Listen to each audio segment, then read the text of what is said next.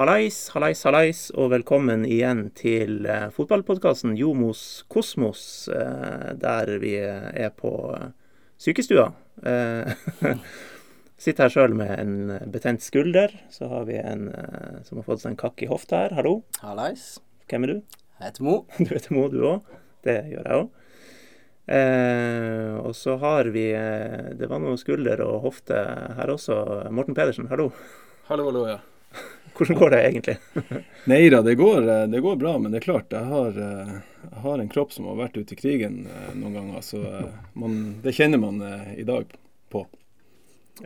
Bare De fleste vet hvem du er, da, men du er jo en, en gammel TIL-helt. Du er tidligere TUL-trener eventyrer ute i verden. Danmark, Tyskland, Belgia. Brann, Vålerenga, litt av hvert. Eh, ja, og fortsatt å finne på Alfheim i dag. Ja. Fortell litt om hva du gjør. Ja, hva jeg gjør. I, eh, i år så ble jeg eh, utviklingsleder for et jenteløft eh, i TIL. Der jobber jeg 40% stilling, og så har jeg 60% stilling som leder for samfunnsprosjektene som vi gjør i landsdelen. Jeg reiser veldig mye i landsdelen. og inspirere, motivere og begeistre unge spillere. Så det, Jeg får holde på med min lidenskap, som er fotball. Eller min største lidenskap. Jeg har flere lidenskaper, men fotball er min absolutt største lidenskap. Ja, Og trives med det? Ja. Har det, har det bra. Og, og, få vært i et miljø som, som jeg har vært i i mange år. Og, og det er godt å være i et, i et fotballmiljø.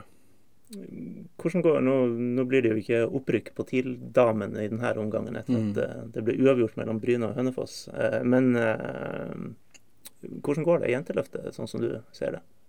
Altså Det vet man jo, at ting tar tid. Og eh, det som er viktig, det er jo å, å få satt gode treninger. Eh, ha gode treningstider. Eh, få trent nok og trent riktig. Eh, så vi er på vei til noe. det er jo det har jo ikke vært eh, noe jenteløft. De har jo levd sitt eget liv egentlig i TIL. Eh, og så Man må ta det gradvis. Eh, men vi har veldig mange jenter. Vi har 300 jenter i TIL. Mm. Og hvis du tar bort hun, eh, kona til Sigurd Birgitte, mm. Eh, som er 33 år, så har vi vel eh, det er vel bare 16-17-18-åringer som, som, stort sett er, er i, i, den troppen på, på, på damelaget. Ja. Ja, det er jo hun på 33 og de nærmeste Maklik-søstrene ja. på 21. Yes. så det er jo litt spennende. Um, ja, OK. Eh, du spiller ikke noe fotball nå? Jo, jeg var med på Jeg bruker å være med på All Star-turnering på Bislett. Ja, riktig. Um, Der har jeg sett bilder av deg. Ja, og i år skulle jeg egentlig være med for TIL, men så i, i siste sekund så ble jeg og Lars Iver Strand uh, solgt til Vålerenga siden vi hadde spilt der før, og det tror jeg de angrer på. Uh, TIL-manager uh, Jon Werner Larsen. det var et dårlig valg? Det var et veldig dårlig valg, for uh, han burde visst at når jeg tar på meg en, en fotballdrakt, da, det, da skal det vinnes. Det kan jeg skrive under på. Han, eh, MP var jo med på et par treninger som eh, trener i, i Dalen, og da eh, Altså, han, det var 100 Han dreit om vi skulle spille kamp dagen etterpå. Du kunne, du kunne ryke på en skade der? Ja da. Og jeg spilte jo som oftest mot han. Ja. Så jeg var jo ganske redd. er det riktig, det her? Ja, det er riktig. Det, altså det, det er egentlig altså du, du må være vant til å vinne fotballkamper. Du må ville vinne. Hvis du ikke, hvis du ikke gir alt på trening og, og vil vinne på trening, så, så, klarer du ikke å hente det frem i kamp heller. Eh, den mentaliteten der med at det, fotball handler jo til slutt om å vinne. Og da må du være så godt forberedt eh, på alle måter og ta de knepene i, i bruk som du har. Jeg var eh, toppspillerutvikler i TIL i, i, to år, og, og, da var jeg ofte med og spilte. Og det er ikke så mange år siden. Og eh, da var jeg stopper og, og, og spilte mot han eh, Kobra. Så mm. plutselig så kommer han med en albue i, ribba, ribba, ja, i ribbene mine, og så tenker jeg OK, vent på neste mulighet. Og da smurte han ned. og uh, han skjønte ingenting. What? Det, det, handler om å sette seg i respekt og vise, altså sette en standard. Og, og faktisk på ei sånn der trening så, så, var jeg i en duell hvor skuldra gikk ut av ledd. Og det er vondt. Ja. Eh, hvor jeg, jeg, roper på han Truls eh, Halden at du må bare sette inn på plass igjen. Og så sier guttene du må jo gå inn. Jeg skal ikke gå inn, jeg skal spille videre. Og det var ondt som bare juling, men det var for å vise mentalitet. For det er der du, tenker jeg, at det er der du skiller klinten fra Veten. Det er hvem som er sterk i hodet og virkelig Altså, når du må være god, så må du være god. Og de beste, de klarer å være gode når du virkelig må være god. Så det er litt, litt den mentaliteten som, eh, som jeg vokst opp med, og jeg har tatt med meg i min verktøykasse gjennom hele karrieren min. Mm. Jeg husker når jeg signerte for TIL, så hadde vi oss en prat. Da dro du opp en historie om han Effenberg. Ja. Husker du den? Og, Nei, du må gjerne Du vet, jeg er nakkeskade, så jeg, jeg husker ikke alt. nå husker er ikke jeg alt 100% men det gikk vel i duren med at det var vel første treninga di, Mhm. så var vel Effenberg til stede der, og du satte deg i respekt med å smøre han ned. og du ville at han Mo skulle på første trening smøre ned han Sigurd Rushfeldt. jeg nikka og tenkte nei. Så du gjorde altså ikke det? Absolutt ikke. Men vet du hva jeg gjorde på første treninga? Av en rar grunn så havna jeg på med de eldste på firkant. Mm. Og så kom han Sigurd Rushfeldt ganske hardt mot meg. Så jeg får liksom panikk, og så skal jeg bare sentre videre. Men den går jo Det blir jo tunnel på han Sigurd. Og vi som har spilt fotball, vi, gjør ikke, vi skjønner at vi gjør ikke sånn første trening. Og kanskje ikke mot kaptein heller. Så neste gang jeg fikk ballen, da lå jeg på gresset. Da klippa han Sigurd meg ned. Å se deg smøre ned Sigurd, det skulle jeg nesten betalt penger for å se. Ja, ja, ja. Men du har altså dælja ned Stefan Effenberg. Ja, altså jeg har vel eh, både blitt delja og delja men det, det handler at du kommer inn i, i nye klubber. Det handler om å sette seg i respekt og vise du, altså, at du vil noe. Eh, tilbake på det mentale. Det er så viktig, eh, tror jeg, at man ikke står der med lua i handa, men at man virkelig viser at jeg er her for at jeg skal prestere og at jeg skal spille. Eh, og da, eh, I Tyskland var det sånn. Eh, Jeg var uheldig rett før seriestart og ble smurt ned av en, en, eh, en lagkompis som satt meg ute i halvannen måned. Mm. Um, så jeg lærte den mentaliteten der at, at uh, når de kommer, setter jeg respekt. Uh, jeg hadde en del med meg, men jeg fikk virkelig oppleve det i Tyskland.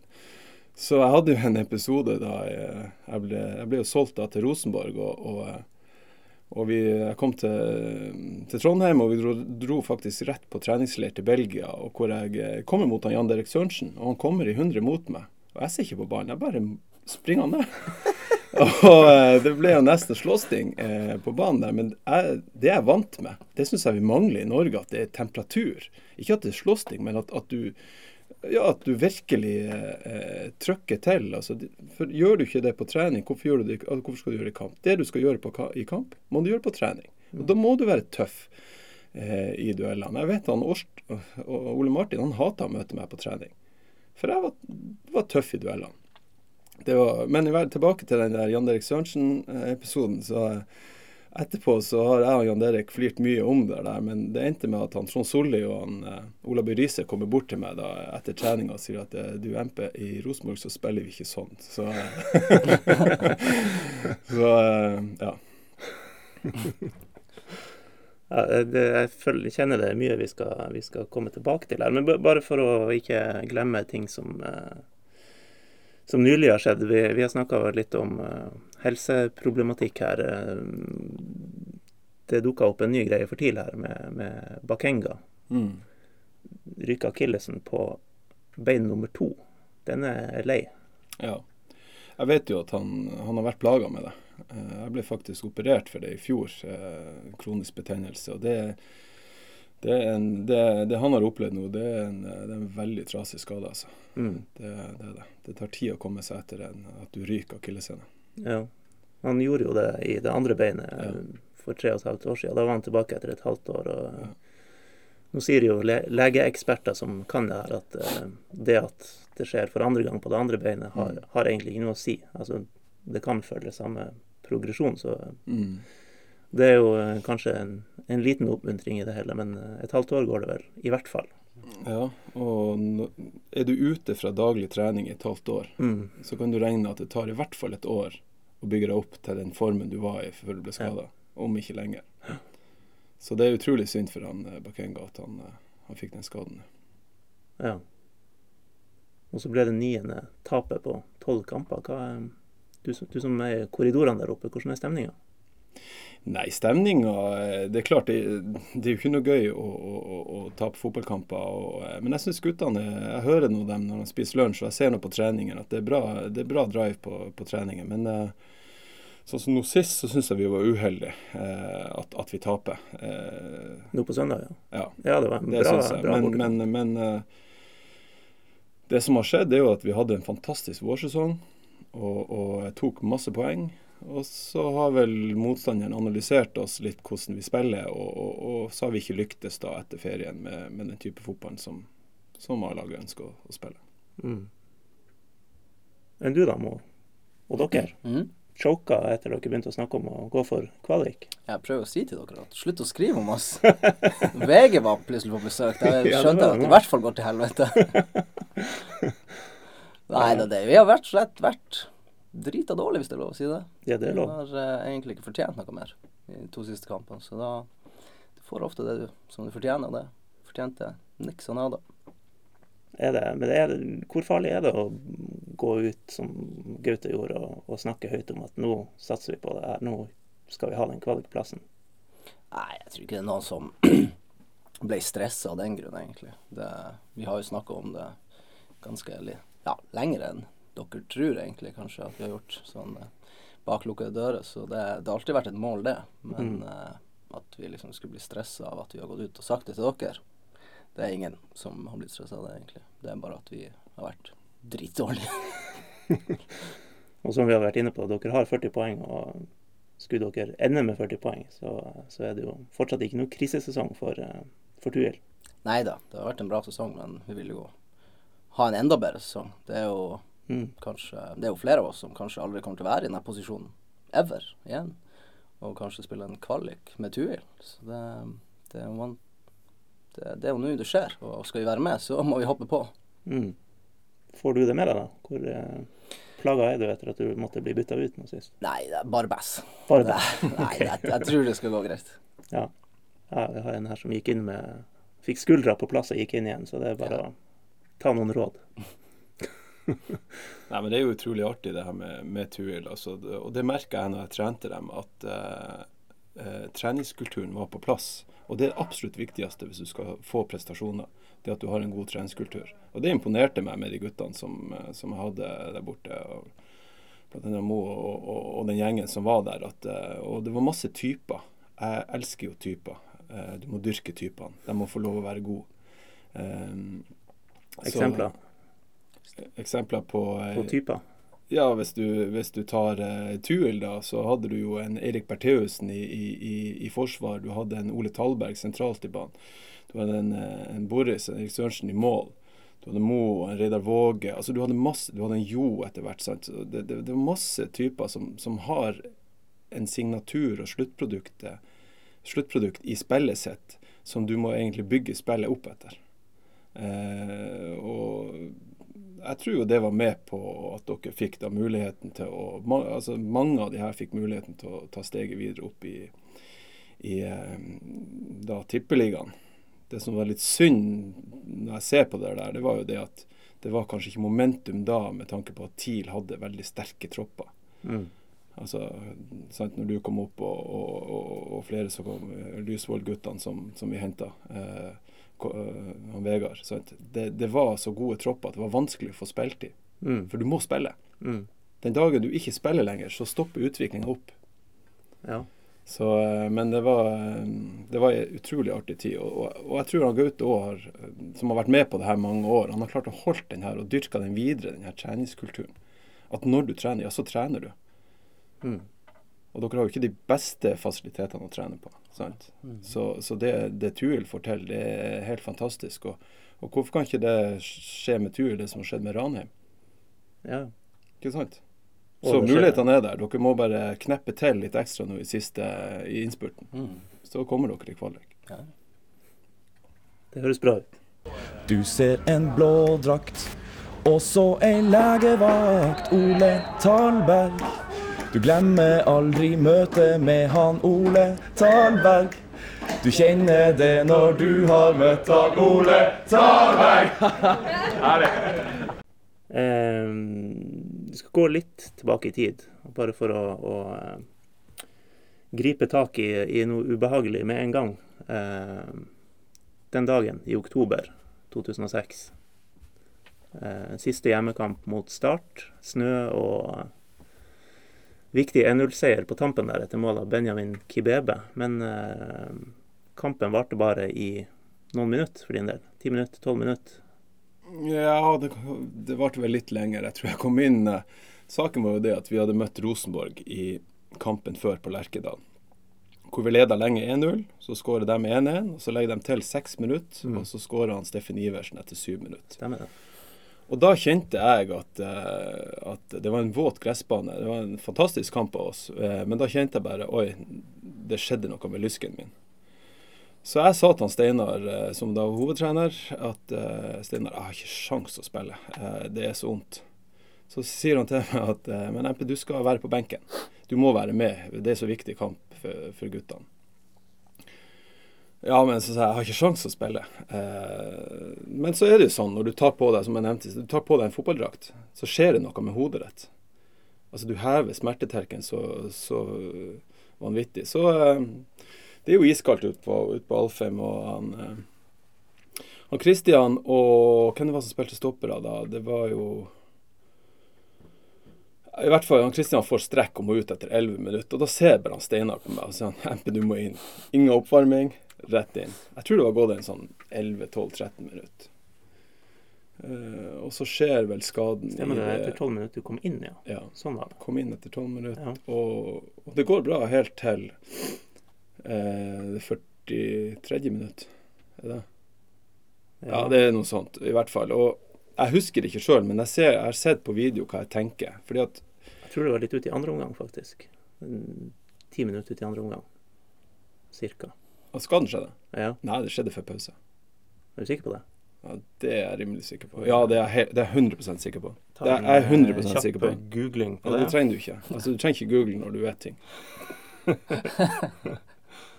Nei, nei, det er en så det viktig står faktisk her fem, 56. minutt, men det står også registrert før det 45. i Ja, for- rekkefølge, så ja, det er mulig at det ligger inne en feil. Kampen ble jo utsatt i Jeg lå jo på gresset i 16 minutter. Men det, det Anyway, det er detaljer. anyway, det er detaljer. Det som skjer, det er det at jeg hadde lært i Tyskland at uh, hvis alle tar ut sin motstander i boks, så er det ingen som kan skåre. Sant? Det er jo ingen som, Hvis alle blir tatt ut, så kan jo bare ballen gå i enden av feltet, og keeperen tar det. eller sånn. Og så kommer det et legg fra høyre som han Hans Åge er litt borti, så ballen kommer dalende. Og jeg ser det jeg tenker der, det er at den ballen kommer dalende, her kan alt skje. Jeg må slippe motspilleren min, og så må jeg treffe ballen på det høyeste punktet jeg kan nå, og få heada ballen bort. Og det klarer jeg. Men jeg har jo ikke kontroll på motstanderen min, så han kommer jo susende og treffer meg i bakhodet. Og så eh, svimer jeg av i lufta og detter og, og, og, dett og lander på, på hodet. Og det er jo da jeg får en skade hvor jeg river av noen små bånd oppi nakken som styrer finmeteorikken på hodet. Og eh, det var, det var tøft, fordi at fra å gå fra å være aktiv Og jeg hadde kommet å spille til jeg var 40, sånn som han Sigurd gjorde, for, fordi at det artigste jeg visste, var å spille fotball. Uh, og jeg prøvde å komme tilbake, men jeg fant ut at det her går ikke. Så det er 2007 og 2007 og halve 2008, det var, det var tøffe år. Det var, det var år hvor jeg hadde mer enn nok med å komme meg opp om dagen. og Ofte svimte jeg av rett etter jeg hadde våkna. at, eh, ja. Så det var tøffe år, men, men samtidig så, så, så gjorde det meg mye sterkere i hodet. Eh, men det var tøft å komme gjennom det. Det var bekmørkt i, i tunnelen, og i tillegg så to måneder etterpå mista jeg mor mi, og det var, det var tøft. Det var, men eh, da måtte man bruke det som man hadde lært opp gjennom livet, og komme seg, man må komme seg gjennom det. Mm. Og det, det føler jeg at jeg har gjort, på en bra måte. Jeg tror det er de stilleste minuttene jeg har hørt på Alfheim, før Mm. eh, du ble transportert bort der. Ja. eh, Jeg våkner jo i sykebilen hvor jeg holder rett før vi kommer til UNN, hvor jeg tenker hva er det som skjer, hva, hvor er jeg hen her? Jeg skjønte ingenting. Jeg husker ikke at jeg hadde spilt kamp engang. Hvor de hadde klept opp eh, drakten min og lagt ullpledd på kroppen min for at eh, jeg lå vel 16 minutter tror jeg, på gresset. Fordi sykebilen hadde dratt med en annen en tilskuer rett før skaden skjedde. Så Mm. det så, altså Skader skjer i fotball. Jeg, jeg har snudd på det og, og, og sagt at jeg var egentlig heldig. Tenk hvis jeg hadde vært bevisst. Da hadde det kanskje skjedd det samme som meg som det skjedde med Dagfinn Enerly, sant? hvor han brekker nakken. Um, jeg, har, jeg kan være aktiv. Jeg kan gjøre egentlig det meste jeg har lyst til i, i dag. Ehm, det kan ikke han. Mm. Så, så ehm, ja, jeg var egentlig heldig i uhe- uhellet. At det gikk såpass bra. For jeg svelgte tunga, jeg låste kjeven, eh, og jeg rev av noe, noe, eh, noe bånd i nakken. Og det tror jeg du må kan huske, Når du husker når jeg tok over Tuil, det var, det var, det var dager der jeg ikke, faktisk ikke kunne gå ut på feltet fordi at jeg lå avsvimt i garderoben. Eh, men men eh, Tuil hjalp meg gjennom en, en tøff periode, og det var, det var utrolig eh, fin gjeng å, å være sammen med. Masse energi. Masse fotballspillere som hadde lyst til å bli gode. Så det var viktig for meg. Å få være i sånt miljø igjen. Ja, det var jo dager der jeg tenkte sånn, eller ikke bare jeg, Mm. tenkte hvordan i alle dager klarer du det her? Det var liksom, jeg så jo du, du pintes flere dager. Du satt der og kunne stikke innom kontoret ditt, og du lå der. Jeg, ja, det var flere ganger jeg trodde du var borte. Og du var jo sikkert borte, men du bare sa nei, nei, bare tok meg en hvil. og så var du på feltet etter ti minutter og var i, ja, var vanlig MP. Ja. Det, det, det var egentlig tøft å se, og det var egentlig Altså, når guttene så det, så tenkte jeg ja, OK, da skal vi òg gi 110% Så det var jo signaler igjen. Ja, altså, jeg glemmer jo aldri den serieåpninga vi hadde da i 2009 mot Haugesund. Jeg vet ikke om du husker det, men det, det, det var en sånn energi og et sånn trøkk og intensitet som bare Jeg fikk frysninger av å se guttene virkelig legge ned. Og vi, eh, vi Det ble 2-2 i den kampen der. Eh, De røkka vel opp det året, tror jeg. Men vi hadde dem. Vi leda 2-1. Eh, Vi hadde dem, og, og det var en av de kampene som bare Wow. Det var, det var farta, det var intensitet, og det var, det var Ja, det var passion. Og det som trener da å stå og se på at guttene virkelig gir jernet, det, det, det, ja, det er fantastisk. Jeg husker jeg snakka med deg noen år etter den her eh, fæle eh, høstkampen i 2006, eh, og at det fortsatt plaga og prega deg litt. Der. Hvordan er det den dag i dag? Jeg Merker du noe til Ja, det er klart. Jeg merker, ja, det gjør jeg. Men uh, du lærer deg å leve med det. Du vet hva du kan gjøre og ikke gjøre. Og så av og til strekker du strikket, og, og så må du ligge legge deg ned så, og ta noe smertestillende. Men så går det over. Så du, du bevarer roen. Men, men det jeg kan si noe om, det var det at jeg shoppa behandlere. Jeg var ute i Europa, jeg var, for jeg skulle jo tilbake. Mm. Så jeg skulle på banen igjen, men Mm. så fant jeg ut at det her går ikke. Og det, eh, etter hvert så kom jeg inn eh, på UNN til noe som heter Raskere tilbake. Og da var det ei dame der, jeg husker ikke navnet hennes nå i farta, men hun hjalp meg enormt med pusten. Det å puste riktig. Jeg trodde hallo, jeg kan jo puste riktig. Nei, du, jeg kunne ikke puste riktig. Så ved hjelp av pusten og pusteteknikker, så du- kan du slippe opp masse spenninger. Jeg tror ikke folk er klar over det. Så det hjalp meg enormt. Og det, det ga meg liksom at, at jeg kom litt ovenpå og følte oi, her er, kan jeg komme meg videre. For det var, det var bekmørkt. Jeg så ingen muligheter.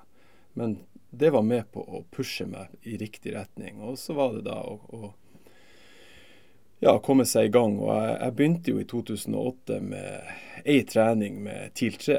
Og leda TIL 3 i, i, i fjerdedivisjon. Og det var vel sånn han Erik Ringberg og guttene i Tuel så at oi, kanskje han MP kan, kan være trener i, for Tuel. Så det å ta step by step, ta, ta litt om gangen og ikke for mye jeg tror, Det var jo perioder jeg tok altfor mye, og det er klart, da lå jeg to dager. Mm. Så du lærer av det. Du lærer deg å leve med det. Så jeg, har full, jeg føler jeg har bra kontroll på, på nakkeskaden i dag. Jeg har vært med på både tape helt fortjent og vinne ganske ufortjent mot eh, TIL tre laget da du var trener. Det var en digresjon. Ja, Å vinne, for da vet jeg jo hvordan det For vi tapte bare én kamp. Ja, det burde jeg. Og det var mot Fløya. Ja Jeg mener kanskje du hadde gitt deg da. I 2008. OK, det er mulig mitt minne svikter. Ja, vi tapte én kamp. Vi vant eh, Av 20 kamper så vant vi 19 og spilte tapte én mot Fløya 2. Ok, Nei, jeg tror ikke det var den. Nei, da er det mulig at du var deg. At det var Ja. mulig han Truls var og styrte der på den tida. Ja. Anyway, det var en ordentlig digresjon. Men for å hoppe lenger tilbake i tid. Eh, det snakkes jo nå om hvordan TIL skal finne spillere, utvikle spillere. Du valgte en ganske utradisjonell karrierevei, kan vi si det sånn? Ja, det kan du, det kan du si. Eh, hvis du mener, tenker på at jeg gikk fra Storsnes til Brønnby? Eksempel. Det er jo en overgang som man ikke ser hver dag. Nei, den ser man ikke hver dag. Og det Hvordan, hvordan skjedde det? Ja, hvordan skjedde det? Eh, det jeg kan si, er at, at Storsnes hadde et vanvittig godt eh, eh, Tito-lag. Mm. Eh, hvor jeg kom opp i eh, Ja, jeg var vel 14 år hvor han Børge Hansen, som var en veldig god trener, hentet meg opp eh, og fikk trene med A-laget. Og eh, hvis jeg gjorde ting eh, fort nok og bra nok, så ble jeg sparka over eh, sn- sneskavlene av de her eh, mer eldre spillerne. Um, så vi gjorde det veldig bra, og i 90-sesongen så leda vi tredjedivisjon og var klar for opprøket, egentlig. Til, eller til det gjensto tre minutter mot Ulstein på Tuil Arena, hvor vi leder 2-1, og det blir 2-2, og Skjervøy røkker opp på målforskjell. Mm. Det var ganske tøft. Og da hadde jo tid lagt merke til meg og Arne Vidar, eh, som var unge gutter og, og spilte fast og, og gjorde det bra. Eh, Det var vel da min tredje sesong i, i, i tredjedivisjon. Hvor eh, han Ja, vi skal trene med, med, med TIL etter sesongen, og så er det en dag at Gunnar Wilhelmsen ringer hjem til mine foreldre. For jeg, det fantes jo ikke mobiltelefoner til en vanlig mann da. Det er jo det er en del år siden.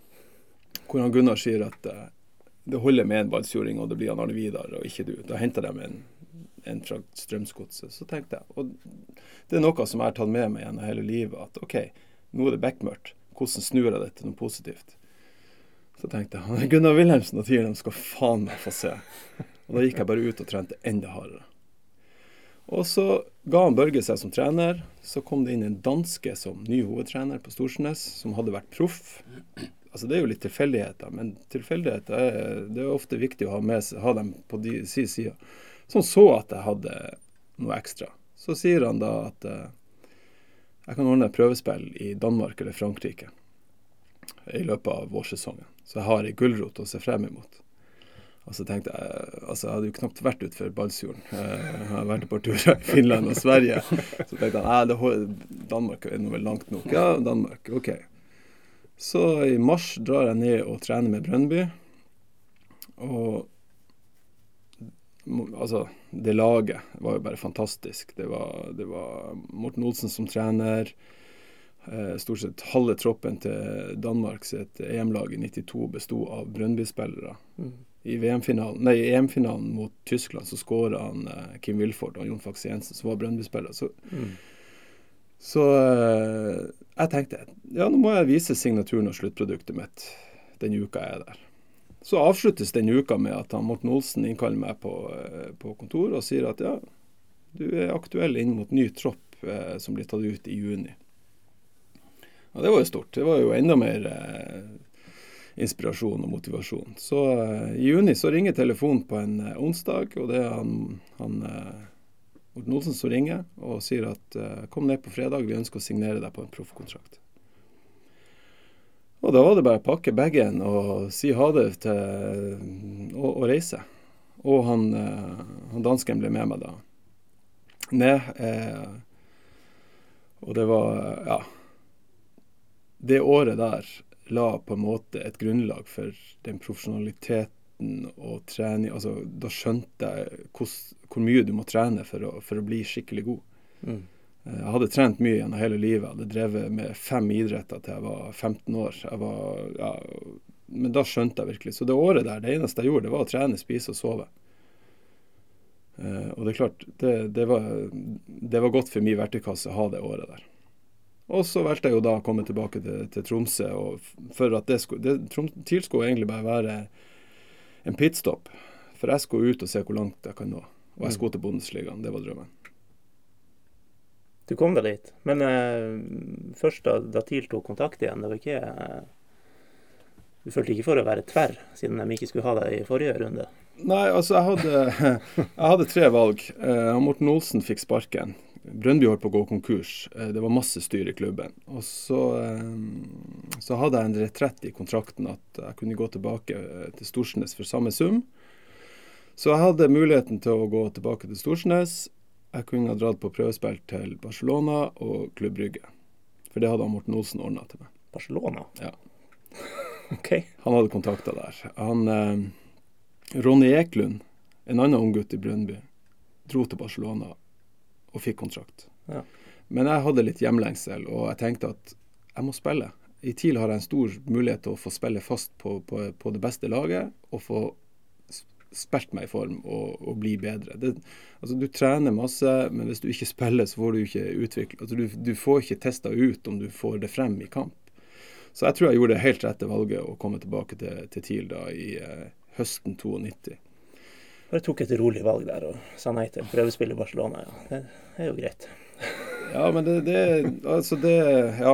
Det, jeg, jeg mente at det var riktig, og i ettertid så mener jeg òg det var riktig. fordi at eh, du kan gå inn og google Ronny Eklund sin karriere etterpå. Han har vært, han har fått noen kamper sånn og sånn, men han har ikke spilt enormt mye kamper etter, den, etter han dro dit. Det er vel masse eksempler på de spillere som eh, kanskje går til presumptivt store klubber, men havner i akademisystem helt til de er Mm. noen og 20 og da har spilt lite og Ja. ikke får de store karrierene. Så Mm. eh, ja, jeg skjønner den. Og det er klart, når jeg kom til TIL da, så besto jo TIL veldig Altså, du hadde en, en sterk 86-årgang. Eh, jeg har enda minner etter at han Nils Solstad roper Hvis du prøver å drible meg i dag, så, så knekker jeg beina dine. Jeg takler deg i knehøyde. Ja, så prøv. Du når meg aldri, sier jeg til Eller at jeg eh, sprang opp på venstresida og ropte til han Espejord Nå må du se å komme deg inn i 16 så jeg får lagt inn til deg. Det, det, det er en fantastisk tid. Herlige år. Eh, hvor, og det, det jeg skjemmes av, det, av den tida der. For at jeg, jeg var så Altså, for å Ja, altså, jeg skulle opp og frem. Eh, og da må bare ting vike, eh, var min mentalitet. Så jeg eh, hadde jo kontrakten at jeg skulle spille med nummer ti. Mm. Og det var jo Trond Johansen sin drakt. Så jeg har jo beklaga det til Trond i ettertid, at han måtte gi fra seg drakt nummer ti. Du fikk det, ja? Det, det fikk jeg. Men det var ei herlig tid. Så var jeg i TIL til og med 95. Eh, og så kjøpte Brann meg. Ja, og så, ja. Og på veien fra Brann til du faktisk havna i Bundesliga, så fikk du med deg litt Europacup mot Liverpool og PSV. Du var med på den runden der med Brann. ja, det var ei fantastisk tid. Det, vi hadde, vi hadde en, en trener eh, i Brann, Kjell Tenfjord, som var utrolig flink med mennesker. Han var flink å få ut det beste av, eh, av spillerne, og vi var mange typer der. Så eh, bortekamp mot PSV, hvor eh, vi hadde vunnet 2-1 hjemme. Eh, og og eh, ute i første omgang der så, så går jeg i takling hvor jeg ryker deler av korsbåndet. Og hvor medisinske kommer ut og så Ja, du må bytte. Nei, jeg skal ikke bytte. Teip meg sammen, jeg skal spille. Og at ikke, at ikke PSV utnytta det at jeg ikke kunne springe. Jeg ble bytta ut i det 84. minutt, og det ble 2-2, og vi gikk videre. Og det, hvis, hvis du går inn og ser hvordan lag PSV hadde da, Mm. så var det mye stjerner der. Ja. Vi slo dem ut, så det var, det var en artig opplevelse. Tor André Flo var godt på høyden Ja, ja. på den tida der, husker jeg. ja vi, eh, men Brann hadde et godt lag. Det var ikke tilfeldig at vi kom. Det var et godt lag med mange typer som, som gjorde at vi Vi da hadde Liverpool faktisk i kne på Brann stadion. Og Mm. Flo var fire ganger alene med David James i den kampen der. Fire ganger alene, hvor han bomma. Hvor det ble 1-1, og så var det returkampen. Og I og med at eh, Det var vel han der Fowler som var, Ja. dukka opp. Altså Fowler sitt mål på Brann stadion i 1-1-kampen, det er jo helt sinnssykt. Mm. Hvor han hæler ballen over han eh, Per Ove Ludvigsen og bananskudd i, i, i motsatt hjørne. Eh, men det er klart, Anfield i, Det her var i mars 97. Mm. Fullsatt. 1-1. Eh, det, det var artig å spille. Det, det var det. Og det var på en måte et sånn momentum at nå må jeg virkelig hente frem det jeg kan, skal jeg ha muligheten til å nå Bundesligaen. Ja, den kampen så jeg òg. Busstur 2009. Alta borte. Skulle han MP sette på en fin film. Liverpool brann. Ja, det, Satt vi også. Men jeg husker at du kjørte MP-finta på han Fowler. ja, Dribla han et par ganger. ja da. Da kan vi eh, foregripe spørsmålsrunden litt når du bringer det her på banen. Ja. Sondre Koren, eh, tidligere frilanser hos oss i, i Nordlys og medspiller av meg på Lokomotiv Tromsø. Eh, han lurer på hvor mange timer MP-highlights er det totalt vist i Tuilbussen på, på vei til bortekamp? Eh, Det var vel en til kamp òg, var det ikke det? Jeg syns jeg husker. Ja, men jeg lurer meg jeg noe vel av etter 45 min. Beklager, MP. Det går helt fint. Nei da, det er Altså, det, det man ønsker med, med å vise noe sånt, det er, det er å vise at det går faktisk an. Det går faktisk an å komme fra en liten plass og, og nå langt. Og jeg vet ikke om du husker den kampen der oppe i, eh, i Alta? Ja. Det var en 0-0-kamp eh, hvor Øyvind Alapnes var dommer, og hvor vi totalt rundspilte Alta i, i eh, Finnmarkshallen. Og det er ikke mange lag som har gjort. At ikke vi skårte den kampen der, er jo helt utrolig. Jeg bomma på åpent mål. Ja. ja, du vil ikke si det. Nei, men vi, det, det var en fantastisk kamp. Og Ja, tenk nå, vi bussa opp. Ja. Det var ikke noe fly og avslappa av på hotell og sånne ting. Nei da, vi bussa opp, og så spilte vi kampen, og så bussa vi hjem igjen. Mm. Og den innsatsen kom jo selvfølgelig av å ha sett eh, MP mot Liverpool. Nei, det vil jeg ikke si. Men uh, for å se en kamp, så kan Altså, hvis, hvis du har det i deg, og du ser en fotballkamp, så tar, henter du til deg tips. Du Mm. ser 'Å ja, oi, går det an å gjøre?' 'Å ja, oi, står han sånn?' Skjønner du? I hvert fall tenker jeg sånn, og sånn har jeg alltid tenkt. Ja. Så når jeg ser en fotballkamp i dag, eh, så, så henter jeg inspirasjon. Jeg ser nye ting, jeg ser nye muligheter. Eh, så eh, det var grunnen da. Men eh, det skal jo sies at det er jo noen år siden, eh, og, jeg jo Jeg tenker litt, litt annerledes nå i dag, med mer erfaring i, i treneryrket enn jeg gjorde da. Men eh, jeg torde å prøve mine ideer eh, i Tuel. Og, og i 2009 så, så funka det veldig bra. Det var veldig synd at vi, at vi røkka ned i 2010. Eh, og det er jo flere årsaker til det, eh, uten å komme inn på det. Men da ga jeg meg i, i Tuil etter, det, eh, etter 2010. da. Mm. Det var veldig Jeg husker den tida når jeg var der. Jeg var bare halve sesongen. Mm. Jeg husker det var veldig forfriskende. MP var veldig Hva man skal si Han gir alt av seg sjøl. Han vil at vi skal bli bedre hver eneste dag. Og det, det var egentlig veldig godt, egentlig. Kanskje vi var litt uenige om spillestilen og sånt, men jeg skjønte i hvert fall at han ville at vi skulle bli bedre hver eneste dag. Han Mm. ga absolutt alt av seg sjøl. Og, og så husker jeg det er ett ordtak jeg har tatt med sida, og det er og det gjør jeg egentlig enda. Det er jo det å være best på det å være Nei, Jeg er best på det som er gratis. takk skal du ha. Det har jeg til en dag i dag. Det sier jeg faktisk til uh, ungguttene vi har òg. Og det har jeg fra deg.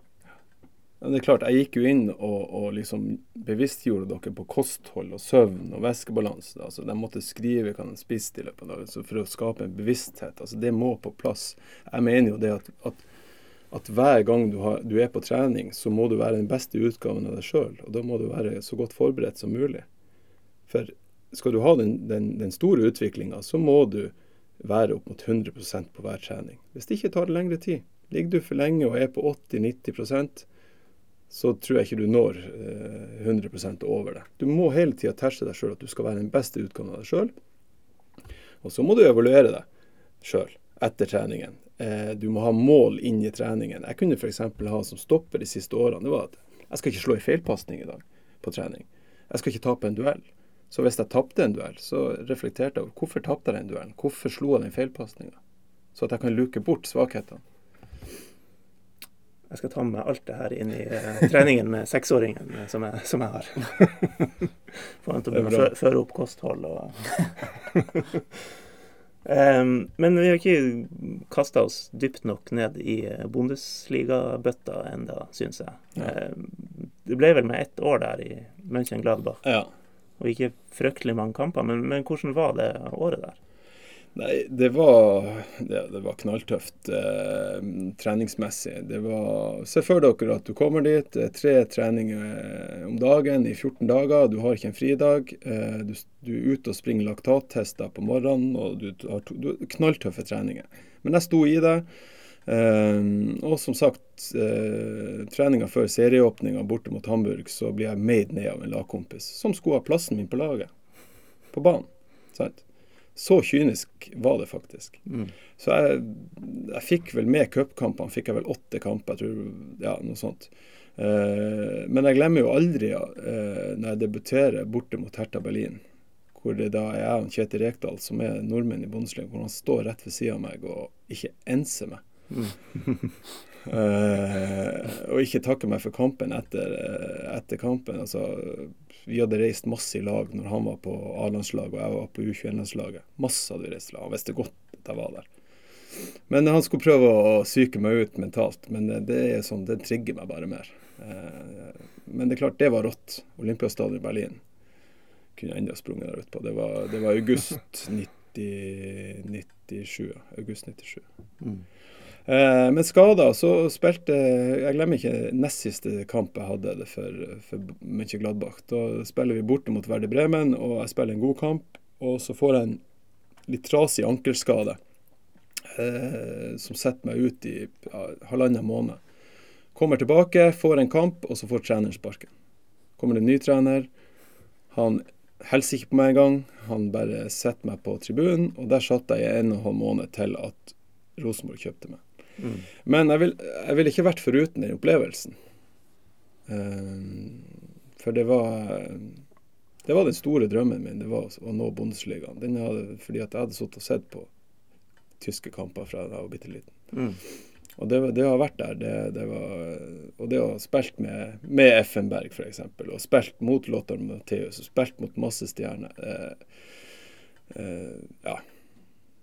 Det, men det, det, det, var tøft. Ja, det var det. Men skader ødela egentlig mye av det oppholdet der. For at det er som konkurranse om å være på laget, og er du utlending, så må du være på laget. For hvis du ikke er på laget, så, ja, så blir du solgt. Sånn er det bare. Så du må prestere, du må spille. Og skader ødela det for meg. Og trenerskiftet. Mm.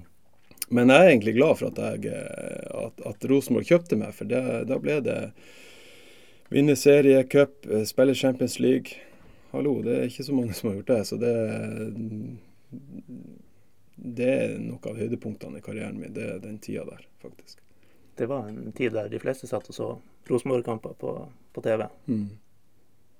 Faktisk nå eh, harseleres det litt med at alle andre skal heie på hele Norges Rosenborg, men på den tida så var det jo litt sånn. Ja faktisk. Det var jo fullt på paletten av folk som satt og så Rosenborg i Champions League. Mm. Ja. Nei, det var en fantastisk tid. Og, og, og, det sykeste, egentlig, det er jo det at i Rosenborg da, så var det kanskje det laget i da Tippeligaen som trente minst, men som hadde sånn sinnssyk kvalitet på treningen. Mm. Eh, og det er, jo, det er, jo, da tilbake til at du, du må være den beste utgaven av deg når du trener. Det er ikke mengde det handler om, det er kvalitet. og, og jeg husker i 98, da var vi målt Da, da var det han Trond Solli som var trener. Da var vi målt på O2, og da var vi et snitt på 68,5 i O2. Um, noe, det er. Det er høyt. Det var et snitt. Mm. Det vil si at mange var over og noen var under. Sant? Så det, det, det var, vi var sykt godt trent. Og mye av den, min trenerfilosofi har jeg jo fra det. Spesielt fra Trond Solli, men også Rosenborg-modellen. Mm. Ja, det, det har jeg. Er det den tida og Belgia for å hoppe dit, som kanskje er de største oppturene i ja. karrieren. Ja. Jeg var Altså, jeg var, på, jeg var på mitt beste i karrieren min eh, i, da jeg var i Belgia, hvor jeg hadde spilt eh, sammenhengende egentlig eh, fra jeg kom i januar til Jeg har spilt halvannet år uten å ha vært skada. Eh, spilt og spilt og spilt og spilt og, og bare blitt, følt at det ble bedre og bedre og bedre. og, og eh, ja, før jeg skulle liksom på en måte videre, eh, så, ja, så kom det en skade og ødela egentlig og stoppa, stoppa opp karrieren min. Mm. Eh, knuste ankelen og var ute i et år.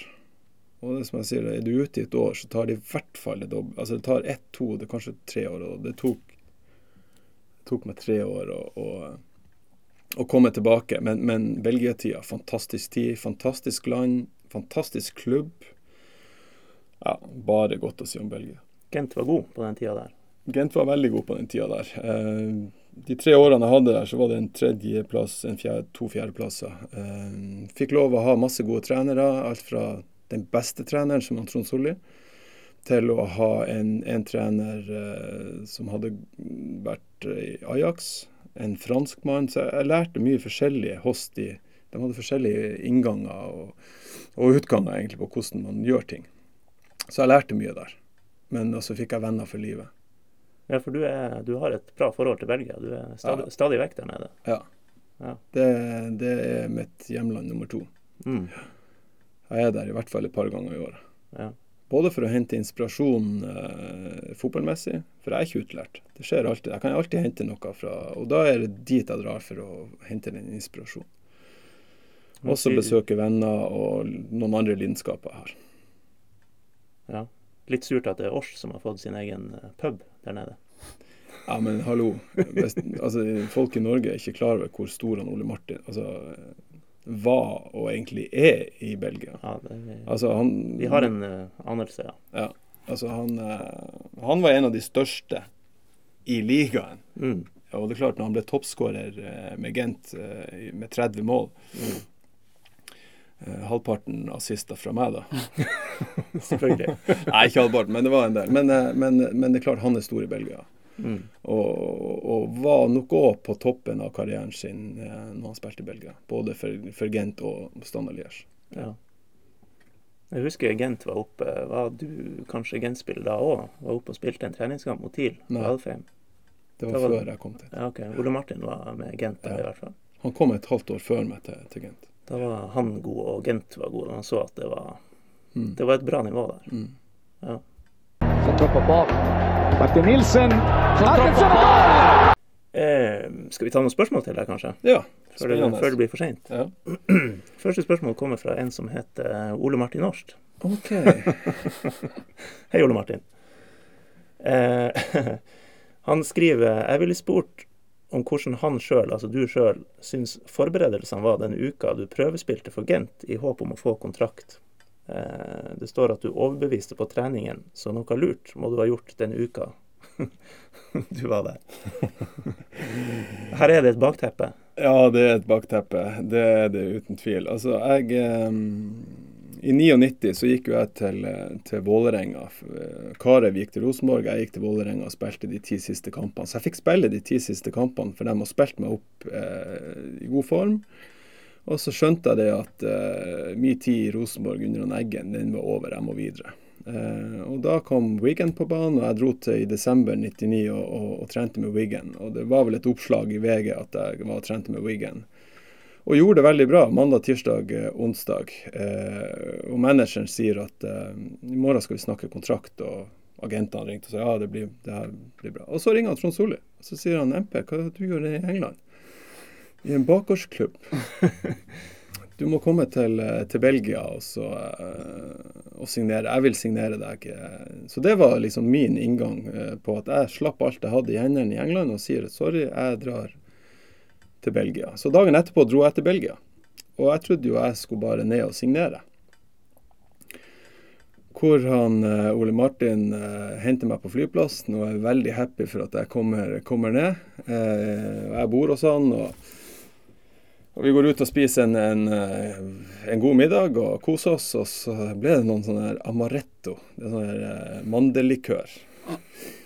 Og det ble én, og det ble to, og det ble kanskje tre. Og jeg tenkte faen. Og jeg var ikke helt i form morgenen etterpå. Vi drar til eh, på treningsfeltet. Og så sier han Trond eh, Solli at du MP, du er nødt til å være med på treninga, for at presidenten og manageren har lyst til å se deg før vi signer deg. OK. Men da er det på nytt igjen. Du tar på deg en drakt. Du bare og da var jeg i god form. Så jeg husker det var fire mot fire-spill med vegger. Og det gikk bra, som Ole Martin sa. og eh, Vi ble enige om en tre og et halvt års kontrakt da, dagen etterpå. Så, eh, men det var en tøff inngang der. der for at uh, Årst var, eh, var glad for å ha en kompis på besøk og kanskje signere, men eh, det holdt på. Det, det kunne gått gærent, det der. Du fikk rista av deg amarettoen og Ja, fiksa det. Ja, for å si det sånn, jeg har ikke drukket det etter eh, den eh, tida der. Mandellikør. Åh. Eh, men det du har drukket litt av i ettertid, er vel øl? Ja. Du skal ikke Don't drink and do sports og alt det der, men, eh, men du har jo en interesse for det, eh, som Andreas Seipeyer vil spørre om. Eh, hvorfor og hvordan oppsto det? Og så spør han også å produsere, og nå må jeg holde tunga rett i munnen, Vestfleteren det beste. Ja. ja eh, altså når jeg bodde i Belgia, så, så var jeg ikke interessert i alkohol eh, og tenkte ikke så mye på det. Man, man tok seg noen øl etter kampen og, og sånt. Men så, eh, så drev jeg jo, som jeg har sagt, jeg drev og besøkte Belgia og Gent og holdt kontakt med dem. Og, og så har jeg en god venn, en norsk venn i Belgia, som, eh, som faktisk er ølsommelier. Altså vil si at han, han har gått på skole et år for å lære seg alt om øl. og har egentlig vekt en interesse som har blitt en lidenskap. Eh, så eh, hvis Fleteren 12 er jo kåra til verdens beste øl av ølkjennere i de siste jeg vet ikke hvor mange årene. Det er veldig komplekst øl, det er et sterkt øl. Det er munker som lager det, det er nesten umulig å få tak i. Det er kun munkene som selger det. Er ingen plasser som selger det annet enn hos dem. Og i dag eh, så har jeg vel ja, jeg vil vel påstå at jeg har en del sånne flasker i ølkjelleren min. For jeg har en ølkjeller, og jeg er en samler eh, på det. Og jeg tester Så det blir en lidenskap sammen med god mat. Eh, som eh, Ja, som er blitt viktig for meg. Og, eh, så når vi drar til, til Belgia, så er det for å få inspirasjon på både på å se øvelser og snakke med folk, men òg å smake på eh, godt øl og fantastisk god mat. De har jo mye av det der. Det er både sterkt og eh, kirsebær eh, og sjokolade og Ja, det mange smaker. De har, de har alt. De har alt, og det er, det er mekka for øl. Altså, det er i Belgia. Mm. I hvert fall syns jeg det. Jeg liker sterkt øl. Jeg liker med, med kompleks, at det er kompleks, at det er mange smaker, men at det er ingen som skiller seg ut. Og da er visst Fleteren 12 nummer én. Så fikk vi svar på det, da. Det er det beste. Det er det beste. Og eh, Seipajärvi hadde Vi var på cupfinaleseminar for tre år siden hvor jeg tok han med inn i en belgisk ølpub og ba han om å kjøpe en Westfleteren 12. Og jeg tror den flaska kosta 350 kroner for en 0,33, men han fikk en opplevelse. Believe me. OK. Um, vi har et spørsmål fra Reidar Stenersen jr., the Norwegian hairdresser, som, eh, som han ble kalt i engelsk media da han hadde blitt kasta ut fra Alfheim for å ha sunget om at Villas Boa skulle få sparken, noe han fikk til slutt. Eh, hvor god var Roardinho mot Galatasaray i dine øyne? Roardinho er Roar Christensen, selvfølgelig. Eh, og hvordan klarte han, står det, jeg vet ikke om det er Roar eller det han tenker på, å gå av banen med omtrent helt ren shorts etter gjørmekampen på Alfheim?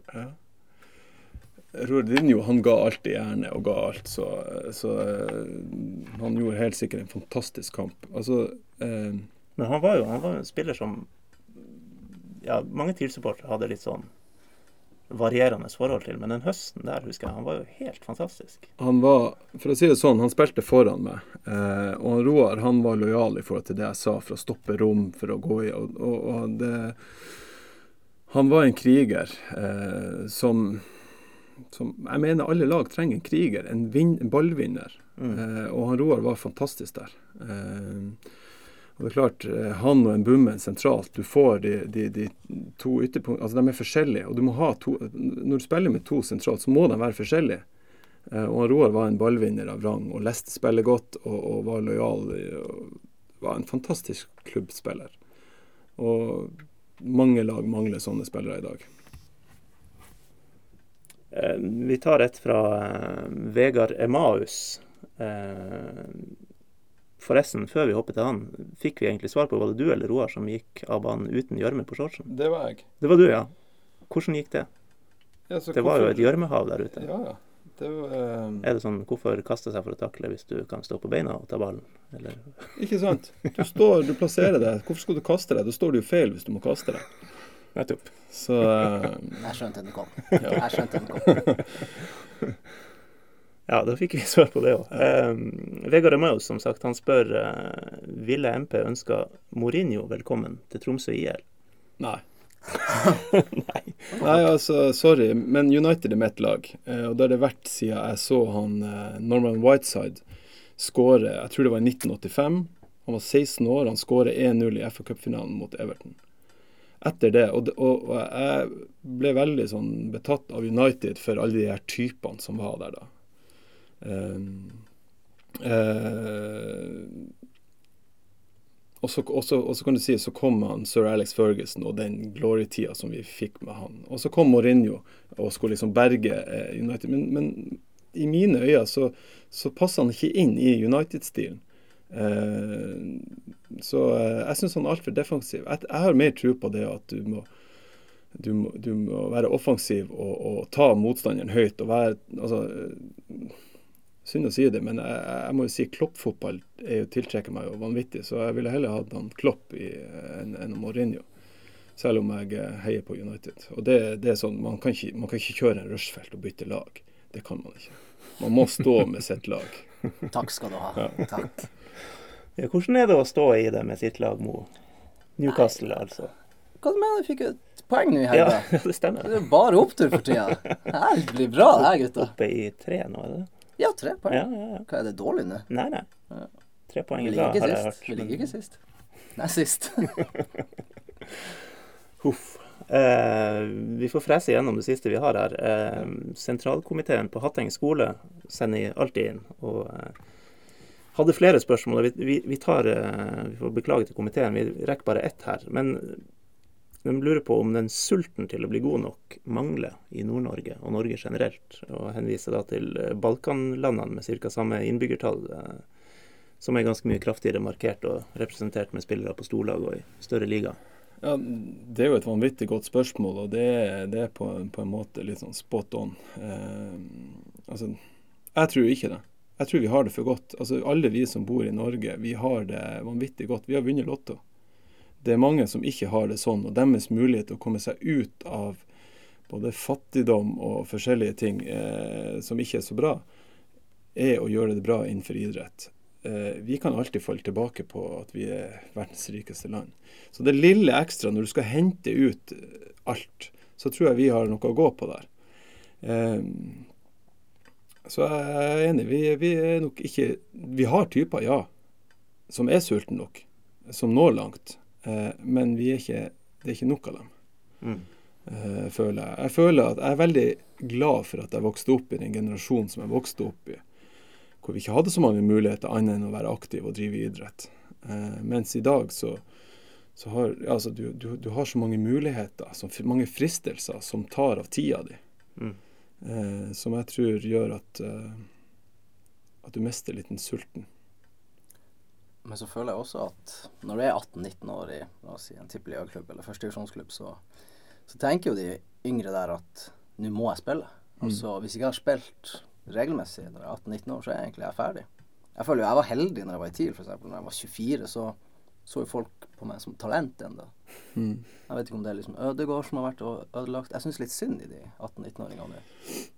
Ja, altså Det som er med 18-19-åringer, de må spille. Eh, eh, og så er ikke toget gått. Sant? Toget er ikke gått, eh, men du, da må du bytte klubb. Du må, du, du må spille.